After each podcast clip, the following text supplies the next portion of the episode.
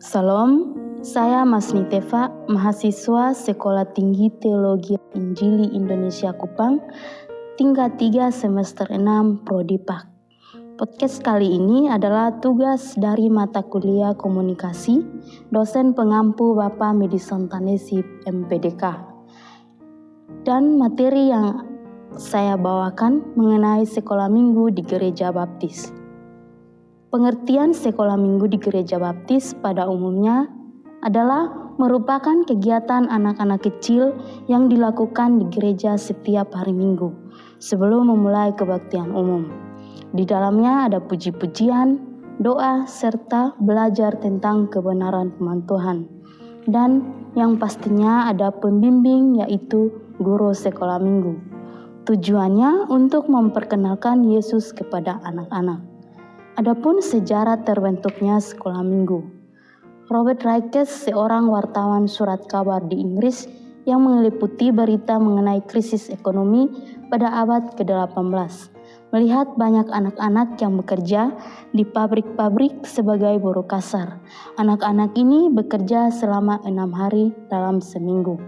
Pada hari Minggu mereka libur karena sudah bekerja, maka anak-anak ini memiliki uang sendiri.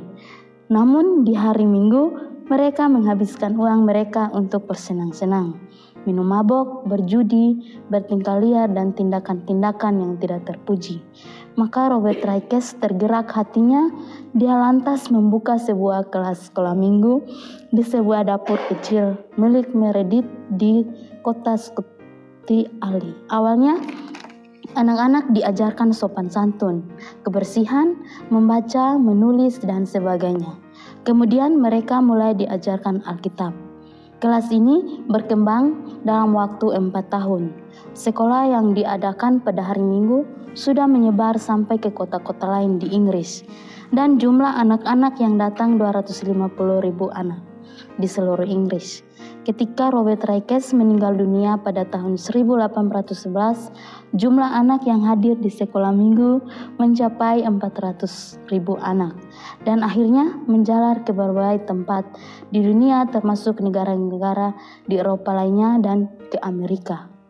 Nah, bagaimana dengan pengajaran sekolah minggu di gereja baptis? Kita melihat bahwa pada umumnya Berbeda dengan gereja anak-anak kecil gereja baptis sekolah, minggu. sekolah minggunya dari gereja anak setiap kecil hari minggu hingga Tetapi lansia. artinya semua mengikuti sekolah minggu. Mengapa demikian? Karena bukan saja anak-anak kecil yang membutuhkan pengajaran tentang Alkitab, tetapi orang dewasa juga lebih sangat membutuhkannya. Jadi semuanya harus mengikuti sekolah minggu. Di dalamnya ada pembagian kelas, misalnya kelas Inria, Pratama, Madia, tunas muda atau remaja, pemuda atau yang sudah tamat SMA atau masih dalam perkuliahan, dewasa, dan umur lansia.